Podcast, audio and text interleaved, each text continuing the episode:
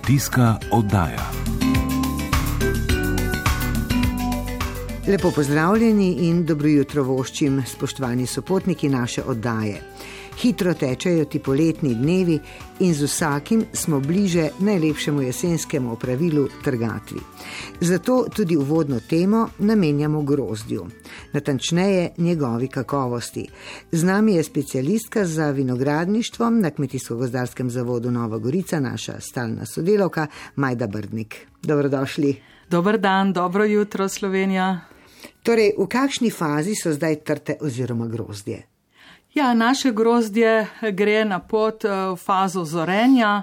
Zgodnje sorte so že v tej fazi, zato tudi bomo kmalo začeli opravljati vzorčanje grozdja, ki ga na zavod že vrsto let, kot tudi vsi zavodi po Sloveniji opravljamo, da dobijo vinogradniki podatke, kdaj, kako naj si poberajo ta svoj zaslužen pridelek. Torej, redno spremljate, seveda, uh, vinograde kakovost. Kako kaže kakovost uh, pri letošnjem pridelku? Ja, z letošnjim letnikom, mislim, kar je do sedaj, smo lahko zadovoljni. Bilo je čisto nekaj malega pozebe, oziroma po nekaterih legah nekaj več, vendar po prečju gledano in na potrebe trga in prodajo smo lahko s tem zadovoljni. Eh, prav tako je bilo tudi nekaj malega toče po nekaterih predeljih, katerih malo več, vendar to se je zasušilo, tako da na kakovo samega pridelka ne bo vplivalo, pač količina bo nekoliko manjša. Vemo, da so zahteve trga po vse večji kakovosti, predvsem, eh, predvsem kakovosti, seveda. To pa je povezano tudi z načini pridelave, ki jih je seveda več. Ja, seveda človek danes zahteva v vseh pogledih eh, čim večjo kakovost, kakovost tudi v smislu čim bolj naravi prijaznega, eh, prijazne pridelave hrane, kot rečemo kilometr nič in tako naprej. Seveda eh, vedno več tudi se stremi v svetu za ekološko, celo biodinamično, biodinamični način pridelave. V Sloveniji je preko 5% vinogradov vključenih v ekološko kontrolo malo in v naslednjem obdobju je želja, da se te površine seveda še povečajo. Tako da, ja, tudi predvsej vinogradnikov je bilo vključenih kmetijska okoljska in podnebna plačila, pravzaprav konvencionalne pridelave nimamo več, saj je že od leta 2014 že integrirano varstvo vinske trte. Ozelenitve vinogradov pa itak imamo preko 82% v celi Sloveniji. Tako da praktično naši vinogradov e, so naravi prijazno obdelani in grozdje tudi naravi prijazno pridelano. Eh, Gospod Majda, eh, če tako generalno eh, nekako ocenimo, pogledamo, kako je s kakovostjo, kakšna je kakovost slovenskih vin? Po podatkih Ministrstva za kmetijstvo, gozdarstvo in prehrano imamo v Sloveniji poprečno nekje 70% našega vina v kakovostnem razredu, se pravi kakovostno označeno in celo vrhunsko oziroma, če gre za PTP, izbrano. Tako da e, seveda z našimi površinami vinogradu, z našimi legami moramo pridelovati kakovostna vina, ne pa samo namizna. In temu tudi sledimo. To pomeni, da smo nekako ena taka eh, zgledna vinogradniška vinarska država. Sigurno, vse to tudi dokazujejo naša vina na svetovnem tržišču, na različnih tekmovanjih, ocenjevanjih od Denkanterja in seveda mednarodnih ocenjevanjih smo paralelni tudi ne samo v športu, tudi v vinu. Tako, uh, trgatev se seveda bliža, kot smo rekli.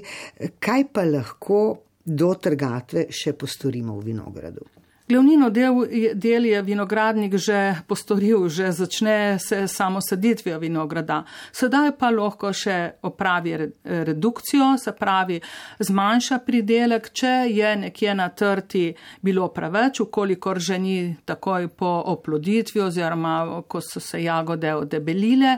Sedaj je tudi še čas, da razreči, kajti za kakovostni razred eh, imamo tudi normativ, da več kot 3 kg na trto oziroma 8000 litrov, to bi bilo nekje okrog 10, 10 pa pol ton po hektarju, ne sme biti pridelka.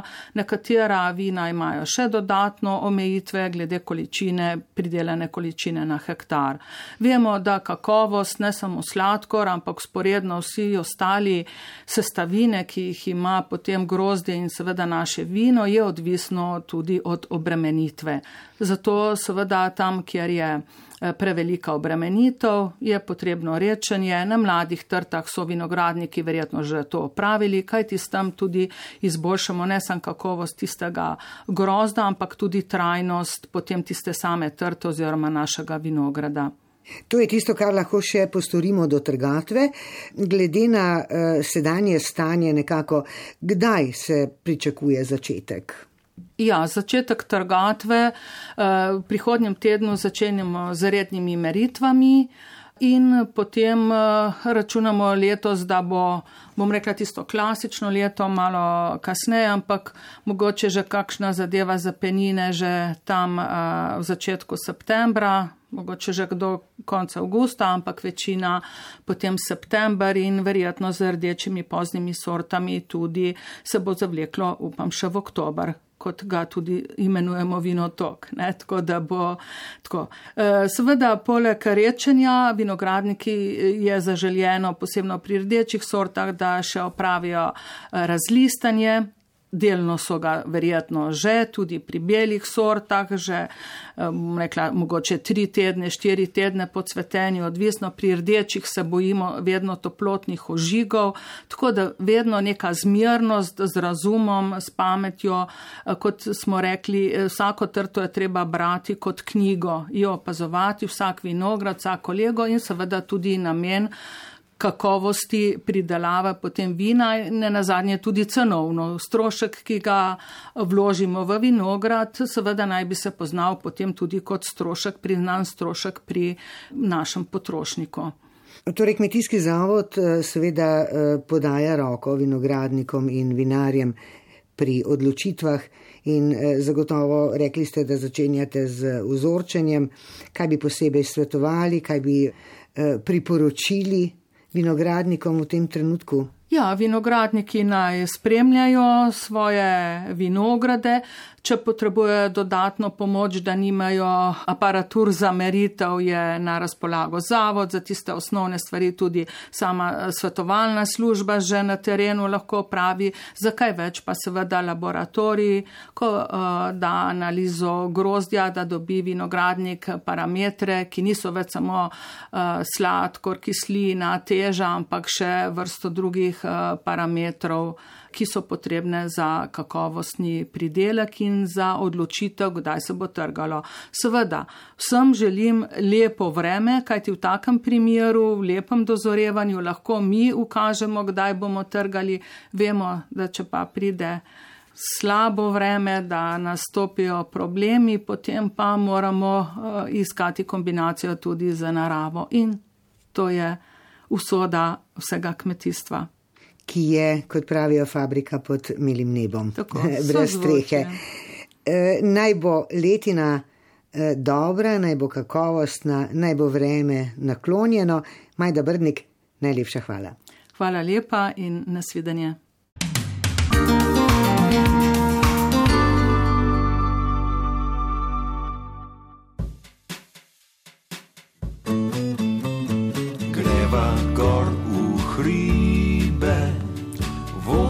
Gorski zrak, ven iz te sivine, greva kot takrat, ko sva se spoznala, kako je bilo lepo, spet te gor v hribih, primem za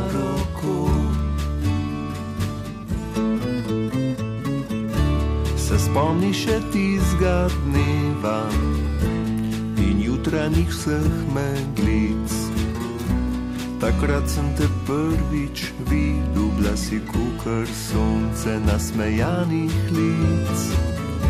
Sva skupaj planike štela, hodila po vseh stezah.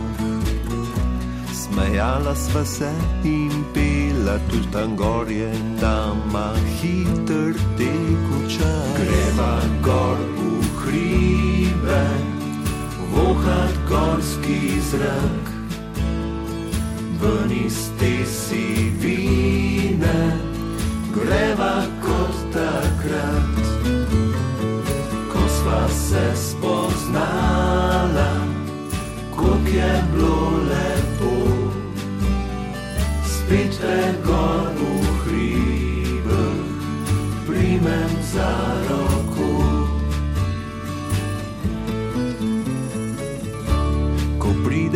spet v dolino, kjer teče drugačen čas.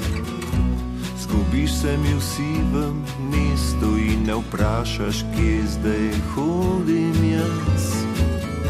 Še doskrat sem šel v hribe, še doskrat je bilo lepo. Še doskrat gor tebe iščem in še doskrat mi je tako hudo. Greva gor v hribe, voha gorski zrak, ven iz te sivine, greva kot takrat, ko sva se spoznala, koliko je bilo lepo, spet te gor v hribe,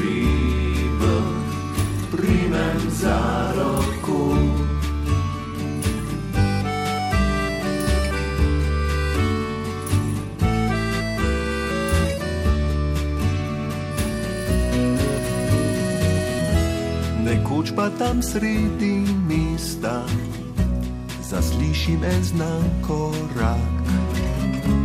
Po sivem asfaltu stopa, bi srce ustavi, bil je točno tak. Ob kavi spomin na steze, ki skupaj sva jih našla. Nikdar ne bodo takšne, vse odkar si ti po svojih stezah šla. Greva gor v hribe, vohat gorski zrak, ven iz te sivine, greva kot takrat, ko sva se spoznala, koliko je bilo lepo spet te gor v hribah, primem za roko. Spet te gor v hribah, primem za roko. Po glasbi nadaljujemo z našo drugo temo, zelo aktualno. Vročinski val z neuri in točami je odraz podnebnih sprememb. Napovedi znanstvenikov, ki v poročilu medvladnega odbora za podnebje ugotavljajo, da se segrevanje planeta dogaja še bolj pospešeno od modelnih izračunov, so skrb vzbojajoče. In ker se bodo klimatske spremembe še nadaljevale, je takojšnje in odločno ukrepanje nujno. Kmetijsko ministrstvo je letos za investicijo prilagajanja kmetij na neugodno podnebje razpisalo enkrat več sredstev kot lani, več pa je nekaj drolec. Zelenjadarske kmetije in tiste s trajnimi nasadi se že lahko pripravljajo na oddajo vloge za podporo investicijam za zaščito pridelkov s postavitvijo rastlinjakov ali za zaščito sadovnjaka ali vinograda proti uničujočim vremenskim razmeram. Na dveh javnih razpisih izpod ukrepa 4.1, ki jo je objavilo kmetijsko ministrstvo konec prejšnjega meseca, je 20 milijonov evrov za naložbe v kmetijska gospodarstva namenjenih prilagoditvi na podnebne spremembe. Lani je bil razpis skupen in vreden pol manj. Zaradi velikega števila vlog in zaradi večje ciljne usmerjenosti sta letos razpisa dva. Pri obeh so upravičenci razdeljeni v tri skupine, pojasnjuje Alenka Šesek iz Agencije za kmetijske trge. Tako je, tudi javni razpis je razdeljen na tri sklope. Sklop A je namenjen malim kmetijam, sklop B je namenjen fizičnim osebam in kolektivnim naložbam, sklop C pa samostojnim podjetnikom in pravnim osebam. Delež sofinanciranja pri obeh razpisih znaša od 50 do 90 odstotkov upravičenih stroškov. Osnovni delež podpore znaša 50 odstotkov upravičenih stroškov, se pa ta delež lahko poveča do 90 odstotkov. In sicer na račun tega, da kmetija leži na območjih z omejenimi dejavniki, v tem primeru se poveča delež sofinanciranja za 20 odstotkov, prav tako se delež sofinanciranja poveča za 20 odstotkov, če je naložba povezana z kmetijsko-okoljsko-podnebnimi plačili oziroma z ekološkim kmetovanjem, ali če gre za kolektivno naložbo, ali če gre za mlade kmete. Torej, to se sešteva, vendar znesek ne sme presežiti 90 odstotkov. Sedaj pri teh dveh javnih razpisih je večina stroškov, ki so pač upravičeni, vključeni v tako imenovan seznam upravičenih stroškov, v katerem je pa so tudi do, do, določene zgornje vrednosti, do katerih so stranke upravičene, kar pomeni, da za te stroške priložijo k vlogi samo eno ponudbo. Um, tako da v tem delu je ta javni razpis mogoče nekoliko enostavnejši od tistih javnih razpisov, kjer morajo stranke torej prilagati tri ponudbe. Z razpisom v višini 12 milijonov evrov želi Ministrstvo za kmetijstvo povečati pridelavo vrtnin, določenih sadnih vrst ter okrasnih rastlin v zavarovanih prostorih. In kakšno je stanje? Iz odanih vlog na Agenciji za kmetijske trge izhaja, da pridelava zelenjave poteka na skoraj 3300 hektarjih, od tega samo na 47 hektarjih v zavarovanih prostorih. Kateri rastlinjaki, katera oprema pridejo v poštev pri tem razpisu? Ja, v bistvu eh, predmet tega javnega razpisa so torej rastlinjaki, ki, pod katere štejemo tako steklenjake, plastenjake, tunele. Torej, to so objekti, ki uh, jih pač urejo predpisi o graditvi objektov, uh, prav tako torej oprema v teh. Um, prav tako pa se bodo financirali v okviru tega javnega razpisa tudi nizki tuneli, ki jih pa ne štejemo med objekte. Predmet podpore so tako individualne kot kolektivne naložbe v nakup in postavitev rastlinjakov in seveda tudi pripadajočo opremo. Sem pa sodi tako namakalna oprema, oprema za zračenje rastlinjakov, oprema za ogrevanje, senčenje in tudi um, kalil, kalilniki, mize, folije, regali in tudi nakup opreme za pridobivanje geotermalne energije. Interes za podporo pri postavitvi rastlinjakov je zelo velik, saj so mnogi odpadli že pri lanskem razpisu. Zvone potočnik z ekološke kmetije Vogelnik zraven na Koroškem pravi, da se bodo po lanskem neuspešnem kandidiranju letos ponovno prijavili na sredstva za investicije v rastlinjak. Ja, uh, žal smo bili zavrjeni na prejšnjem razpisu. Prijavili smo se v bistvu za, za uh, nabavo rastlinjaka. Uh, pač želimo, bi, bi, bi rekel, zavarovati uh, naše predelke, no, kar je pač glede na vreme stalno pač problematično. Zato smo se tudi prijavili. Radi bi eno delovno mesto v bistvu svojili doma, da se recimo žena, ki je pač pustila službo, da, da, da bi se pač lahko doma preživljali. Žal po ekonomski uspešnosti kmetija nikoli ne bo primerljiva z ravninskimi, saj niti nimajo velike proizvodnje in tako so lani zaradi premalo doseženih točk izpadli iz tovrstnega razpisa. Koroška je pač bolj posebno območje, ne, ni dobrih pogojev, smo malo višji nadborski višini, hribovito je in je, je, in je teže dejansko zadevo uh, v neki večji eh, proizvodni dosegati, ne, v primerjavi seveda z, z ostalim območjem, ki ima pač malo boljše pogoje. Tudi Damjana Herico Stanek, nosilka zelenjadarske kmetije iz Šentvida pri Stični, želi širiti pokrito in zaščiteno proizvodnjo z gradnjo novih rastlinjakov. Gre namreč za to, da smo trenutno kmetje um, zelo odvisni, predvsem zelenjadari, od vremenskih um, razmer. Eh, naša sezona, glavnina naše sezone poteka v poletnem času, kjer so um, trenutno vremenske razmere in klimatske spremembe res nestabilne. Zato uh, mislim, da se um, trenutno kar nekaj zelenjadarjev odloča za postavitev rastlinjakov. Vse sistem tudi uh, v bistvu zavaruje svoj pridelek in uh, načeloma um, je za enkrat to um, največja garancija, da uspeš. Lani so imeli neprijetno izkušnjo, ko so zbirali dokumentacijo za namakanje in so ob pravočasno izdani odločbi ministrstva morali čakati 30-dnevni rok za pravnomočnost, zaradi česar se jim je lanski razpis izmuznil, zato poziva k pohitritvi postopkov za pridobitev dokumentacije. Vsak si želi investicijo čim prej končati, a težava je pomankanje slovenskih izvajalcev za postavitve večjih rastlinjakov. Nestabilne so tudi cene materijalov. Zato mogoče lahko izpostavimo, da tudi če se bo zdaj le vloga oddajala um, na določeno ponudbo, ni rečeno, da se bo lahko do leta 2025, ki je predviden rok za, za zaključitev tega projekta, da bodo cene ostale enake. Lahko se dejansko cel projekt potem uh, podraži. Za sadjarje in vinogradnike pa je zanimiv drugi razpis 4.1 v vrednosti 8 milijonov evrov. Ta podpira naložbe v ureditev trajnih nasadov, nakup in postavitev protitočnih mrež, ureditev zasebnih namakalnih sistemov, ki imajo enega uporabnika, ter nakup namakalne opreme in opreme za protislansko zaščito.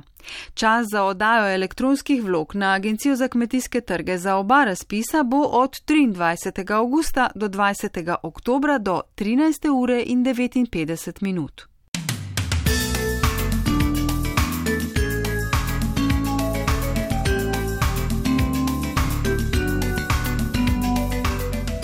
Toliko smo vam pripravili v današnji kmetijski oddaji. Lepo nedeljo, prijeten teden vam želiva Ingrid Kašca Bucik in Boštjan Simčič. Pa srečno!